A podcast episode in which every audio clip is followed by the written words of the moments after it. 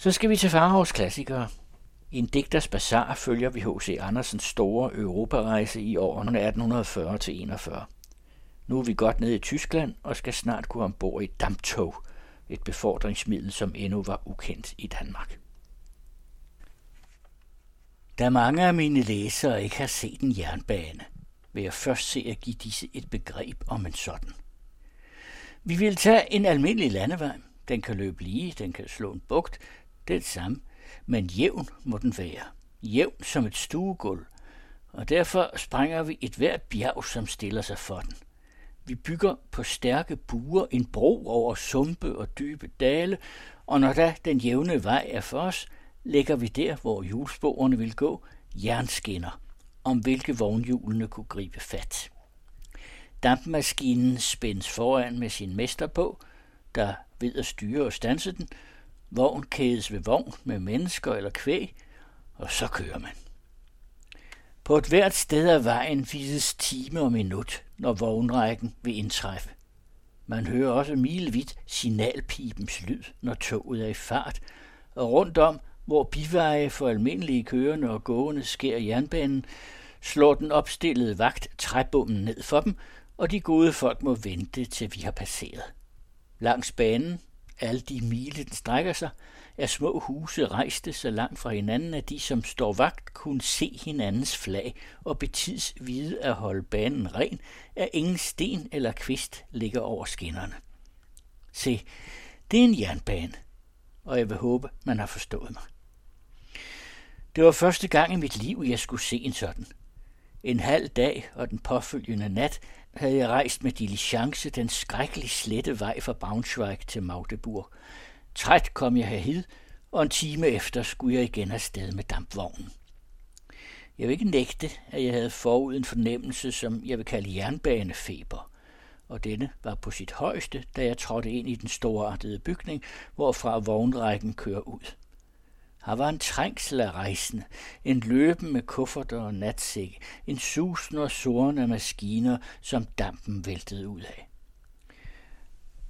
Man ved første gang ikke ret, hvor man tør stå, at ikke en vogn eller en dampkedel eller en kasse med rejsegods skal flyve over os. Og ikke nok står man sikkert på en fremspringende altan. Vognene, man skal ind i, ligger i række tæt op til den, som gondoler ved en kaj – men nedenfor i gården krydser som trolddomsbånd den ene jernskin den anden, og det er også trolddomsbånd, som den menneskelige kløgt har slagen. Til disse skulle vores magiske vogne holde sig. Kommer de uden for tryllebåndet, ja, så gælder det liv og lemmer. Jeg stirrede på disse vogne, på lokomotiver, løse karer, vandrende skorstene og gud ved hvad. De løb som i en trylleverden mellem hverandre. Alting synes at have ben – og nu denne damp og denne susen i forening med trængslen for at få plads, denne stank af tælle, maskinernes taktmæssige gang og den udladte damps pipen og snøften forstærkede indtrykket.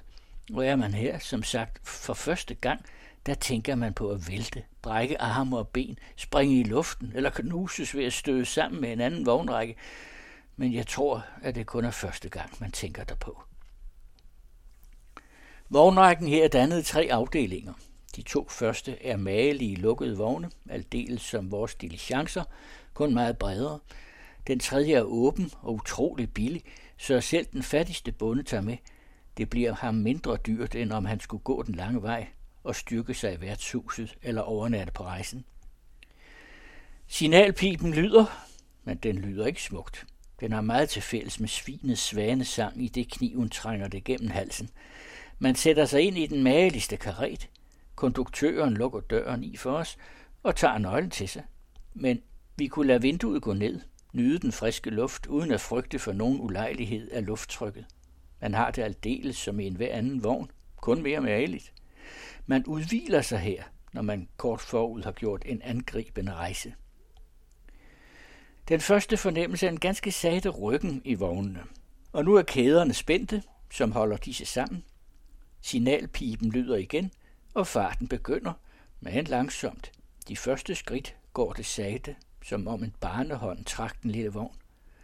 Hurtigheden tager umærkeligt til, men du læser i din bog, ser på dit kort og ved endnu ikke ret om farten er begyndt. til vognen glider som en kane på den jævne snemark. Du ser ud af vinduet og opdager, at du jager afsted som med heste i galop. Det går endnu hurtigere. Du synes at flyve, men har ingen rysten, intet lufttryk, intet af, hvad du tænkte dig ubehageligt. Hvad var det røde, der som et lyn for tæt forbi? Det var en af de vagthavende, der stod med sin fane. Se kun ud, og de nærmeste 10-20 alen er marken en pilsnar strøm. Græs og urter løber i andre. Man får en idé om at stå uden for jorden og se den dreje sig. Det piner øjet at hæfte det længe i samme retning. Men du ser nogle fagne længere bort. Der bevæger sig de andre genstande ikke hurtigere, end vi ser dem bevæge sig, når vi kører godt. Og længere ud mod horisonten synes alt at stå stille. Man har ganske og aldeles skuet og indtrykket af den hele egen. Således just skal der rejses gennem flade lande. Det er som by ligger tæt ved by. Nu kommer en. Nu er der en. Man kan ret tænke sig trækfuglenes flugt. Således må de lade byerne efter sig. De almindelige kørende, som man ser på sidevejene, synes at holde stille. Hestene foran vognene løfter fødderne, men de synes at sætte dem igen på samme sted, og så er vi den forbi. Det er en temmelig bekendt anekdote om en amerikaner, der første gang kørte med dampvogn, at han ved idelig at se den ene milepæl far forbi efter den anden, troede, at han kørte over en kirkegård og så monumenter. Jeg skulle derfor ikke anføre den, men den karakteriserer ganske hurtigheden, og jeg havde den i tanker, skønt man her ingen milepæle ser. De røde signalfaner måtte da være det, og den samme amerikaner kunne have sagt, hvorfor er alle mennesker i dag ude med røde faner? Jeg vil derimod fortælle, at da vi får forbi et plankeværk, som jeg så forkortet til en stang, sagde en mand ved siden af mig, øh, se, nu er vi i fyrstendømmet Køden. Og så tog manden sig en pris, bød mig også dåsen, jeg bukkede, prøvede tobakken, nøs og spurgte så, øh, hvor længe er vi nu i køden? Åh, oh, svarede manden, der var vi ud af i det, de nøs. Og dog kunne dampvognen gå dobbelt så hurtigt som her – Hvert øjeblik er man ved en ny station, hvor passagererne skulle sættes af og andre optages. Farten bliver herved formindsket. Man stanser et minut, og ind af de åbne vinduer rækker opvarter os forfriskninger. Lette og solide, ganske som vi behager. De stegte duer flyver for betaling bogstaveligt lige ind i munden. Og så jager man afsted. Slader med sin nabo, læser en bog eller skotter til naturen, hvor tit en skare køer med forbavselse drejer sig rundt, eller nogle heste river sig løs og flygter, fordi de ser, at 20 vogne kunne komme frem i verden uden dem, og det endnu hurtigere, end om de skulle hjælpe til. Og så er man pludselig igen under tag, hvor vognrækken stanser. Man har kørt sine 15 mil i tre timer, er i Leipzig. Samme dag, fire timer efter, går det herfra igen en lignende vejlængde i samtid, men gennem bjerge og over floder – og så er man i Dresden. Jeg har hørt flere sige, at ved jernbanen var al rejsepoesi borte, og at man får det smukke og interessante forbi. Hvad det det sidste angår, der står det jo enhver frit for at blive på hvilken station han vil, og det at se sig om til den næste vognrække kommer. Og hvad det angår, at al rejsepoesi forsvinder, der er jeg af en aldeles modsat mening. Det er i de snævre, fuldpakkede rejsevogne og diligencer, at poesien forsvinder. Man bliver her sløv, man plages i den bedste årstid af støv og hede, og om vinteren af slette veje. Naturen selv får man ikke her i større portioner, men vel i længere drag end i dampvognen. Og hvilket åndens store værk er dog denne frembringelse. Man føler sig jo mægtig som en oldtids troldmand, hvor magiske hest spænder vi for vognen, og rummet forsvinder. Vi flyver som skyerne i storm, som trækfuglene flyver. Hvor vilde hest fnyser og snøfter, den sorte damp stiger ud af hans næsebor. Raskere kunne ikke Mephistopheles flyve med Faust på sin kappe.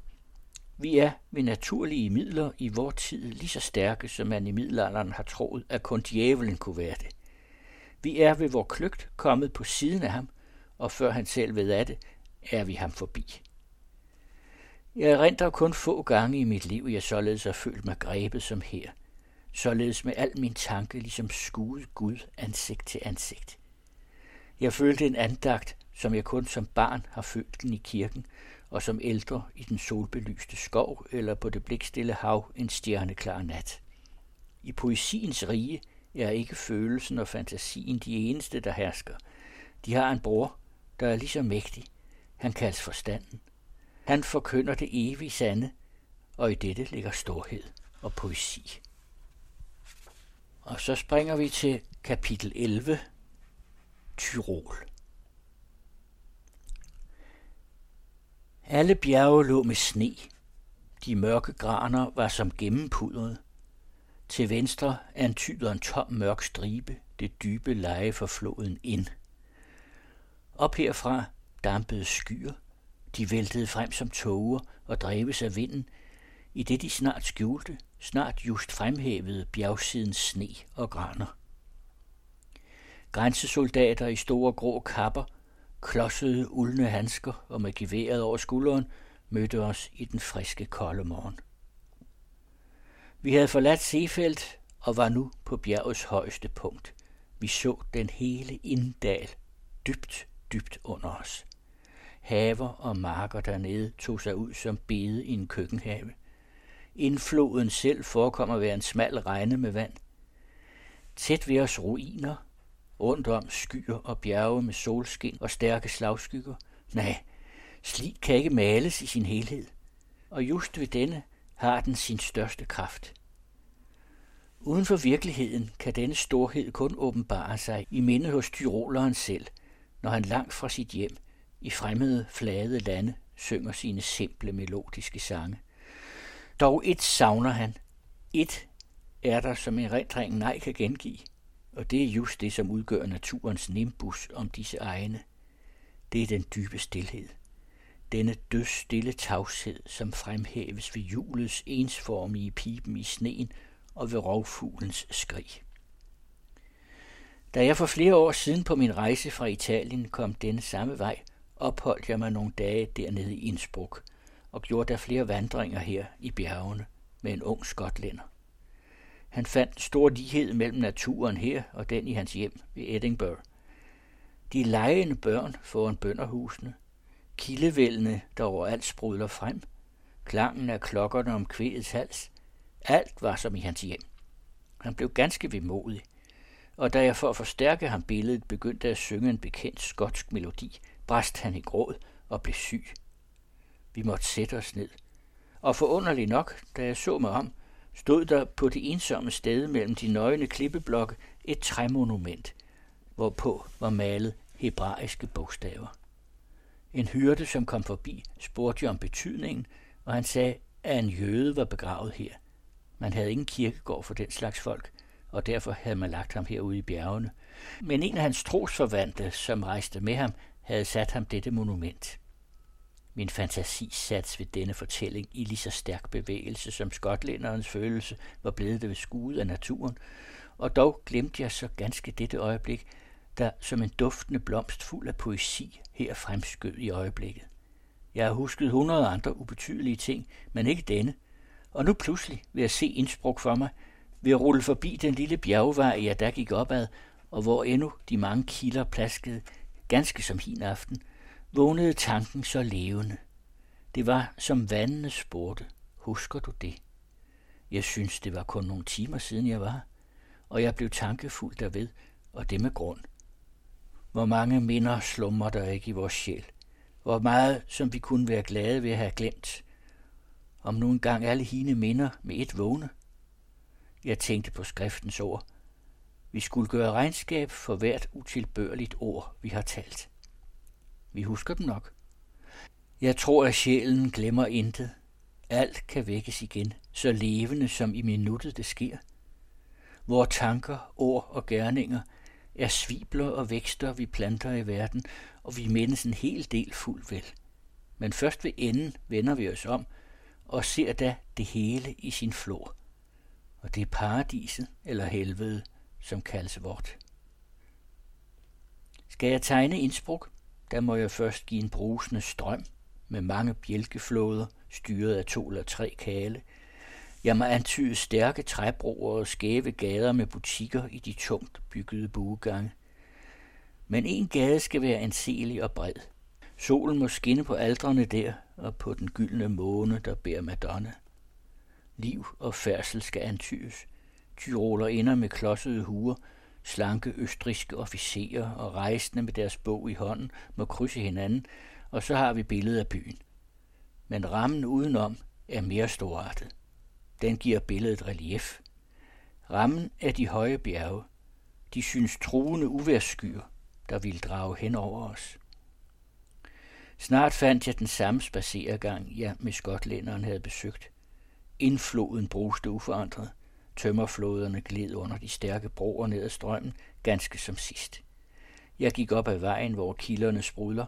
På alle husene prangede et stort Madonna-billede, det ene nøjagtigt afkopieret efter det andet. De samme farver i klædningen, det samme stilling hos moren som hos barnet, ned over muren og aldeles over vinduerne med. Men man havde kun holdt et lille hul åbent, hang som et stort tæppe den voksgule majsfrugt for at modnes i solen. Mundre børn legede i gaderne. Alt var som før. Jeg fulgte stien og stod imellem de tavse fjelle, hvor jeg havde set monumentet med den hebraiske gravskrift, og jeg så en del af det endnu, men kun en del. I græsset lå et stykke planke med halvt udslettede hebraiske bogstaver. Højt græs skød hen over pælen, der havde båret det. Jeg sang igen min skotske vise og så på naturen rundt om. Den og sangen levede uforandret.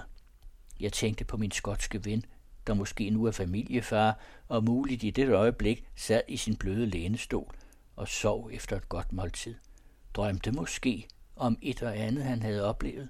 Drømte måske om dette sted, og så i drømme byen, floden og bjergene lige så levende, som jeg så det. Til sjælen husker at male selv de mindste enkelheder. Drømte, at jeg sang den skotske vise for ham på det sted, og han vågnede, så op og sagde, det havde jeg ganske glemt hvor man dog kan drømme. Og så var just drømmen en ren virkelighed. Til jeg stod igen ved graven og sang den skotske melodi. De blanke messingkugler på de høje kirketårne nede i byen skinnede i aftensolen. Jeg gik derned. Hofkirken stod åben, som brug er i de katolske lande. Lyset faldt rødligt gennem de store ruder. Fra indgangen og op til koret står af metal kolossale figurer af de tyske kejser og kejserinder, vist nok alle støbt på samme tid og af samme mester, men uagtet de næppe hører til kunstværker, giver de kirken et ejendomligt præg. Den synes en opslagen legendebog, der fortæller om riddertiden. Selv det hvide monument i gangen til venstre passer godt, om ikke som en del af billedet, så dog som en frisk blomst, der er lagt ind i bogen, et duftende mærke – det er en alpeplante, som fortæller om de kraftige bjerge, om kærligheden til hjemmet her, om troskab mod landets kejser. Det er Andreas Hofers monument. Med fanen i hånden og øjet mod himlen, synes den tabre tyroler at skride frem til kamp for sine bjerge, sin Arne og kejser Frans. Fra Innsbruck fører vejen over Brænder til Italien. Det var hen imod aften den 4. december, jeg med diligencen kørte op ad bjerget vel indpakket i kapper og islandske strømper op over knæene. Ti, der blev koldt op, havde man spået mig. Måske lå sneen så højt, at vi måtte skuffe os frem. Det var den værste årstid, vidste jeg. Men over skulle vi. Vejen går bestandig i zigzag opad, og det går langsomt. Skudet tilbage er storartet og bliver ved hvert skridt fremad af større virkning. Luften var ganske rosenrød. Bjergene med sne så ud som en skinnende sølvsky, og alt som det røde skær forsvandt i luften, og den blev mere og mere rent blå, lå der nat i dalen. Lysene blinkede fra byen, som var der en stjernehimmel under os. Aften var så stille. Vi hørte sneen knage under vognhjulet. Månen, som kun var i første kvarter, skinnede klart nok til at oplyse alle genstande rundt om i den hvide sne, uden dog at betage og skue af de mange stjerner. Stundom så man en af disse, så klar og funklende, lige ved en bjergtinde, og det så da ganske ud, som var der et fyr derop. Julesporet gik tæt ved den dybe, svimlende afgrund, hvor der intet rækværk er. Intet uden hister her en mægtig græn, der med sine lange rødder holder sig fast ved skrænten. I månelyset så der bundløst ud dernede. Hvilken stillhed. Kun lyden af en bæks brusen var at høre. Ikke en vandrer mødte vi. Ikke en fugl fløj os forbi. Og snart blev det så koldt, at der frøs isblomster på karetvinduerne, og vi så kun stråler af månen, der brødes mod blomsternes kant. Vi holdt stille i Steinach, hvor vi i værtshusstuen flokkedes om kakkelovn med messingkugler på, og kvægedes med en tavlig fredagskost, mens kusken fyldte vognen med hø, at vi kunne holde fødderne varme. Der lå ikke meget sne derop, men bitterligt koldt var det. Netop klokken 12 passerede vi brænder, det højeste punkt, og skønt kulden bestandig var den samme, følte vi dog mindre til den, i det vi sad med fødderne i det varme hø, og med tanken i det varme Italien, som vi nu rullede ned imod. De tilfrosne vinduesruder begyndte at smelte. Solen brød frem. Grænvegetationen blev mere og mere yppig. Sneen ubetydeligere. Det går mod Italien, sagde vi, og dog frøs postiljongen udenfor, så kinder og næse havde samme farve som morgenskyerne. Vejen følger bestandig den brusende flod. Fjellene rundt om er ikke høje, og har et forunderligt hensmuldrende udseende. De synes tavler med halvt udslettede runer og hieroglyffer. Ofte dannede de store vægge, der synes at holde resterne af gamle gravmonumenter, forfalden og piskede af regn og storm. I flere timer altid de samme formationer. Det så i sandhed ud, som om man her var på en stor kirkegård for den hele Adams slægt, det dødfødte barn, den usleste tigger, hver havde sit monument. Alle slægter, alle tider havde deres. Underligt kastet mellem hverandre stod ligetavlerne der. Den grønne busk, som skød frem i fjeldmuren, dannede ganske mærkeligt en levende fjerbusk i ridderens hjelm, således som den forvidrede klippeblok viste ham. Her stod en harnisklædt ridder med vandskabte dværge, der alle bar pibekraver. De kunne ikke være bedre fremstillet, end tiden med storm og slud her havde gjort det. I århundreder forvidres også disse billeder, men nye dannes igen. En anden kirkegårds monumenter for et andet årtusinds afdøde, og floden bruser fort nedenfor og nynner den samme dødning vise. Mod middag var vi i Botsen.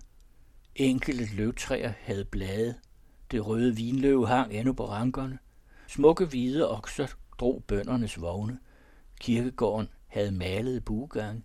I værtshuset hørtes italiensk lige så meget som tysk, og på bordet lå en plakat fra teatret, der stod med store bogstaver, Lucia di Lammermoor, Tragedia Lyrica. Vi var ved Italien, om en skønt endnu på tysk grund. Jeg fortsætter de kommende uger med flere uddrag fra bogen. I næste uge skal vi følge digteren videre gennem Italien.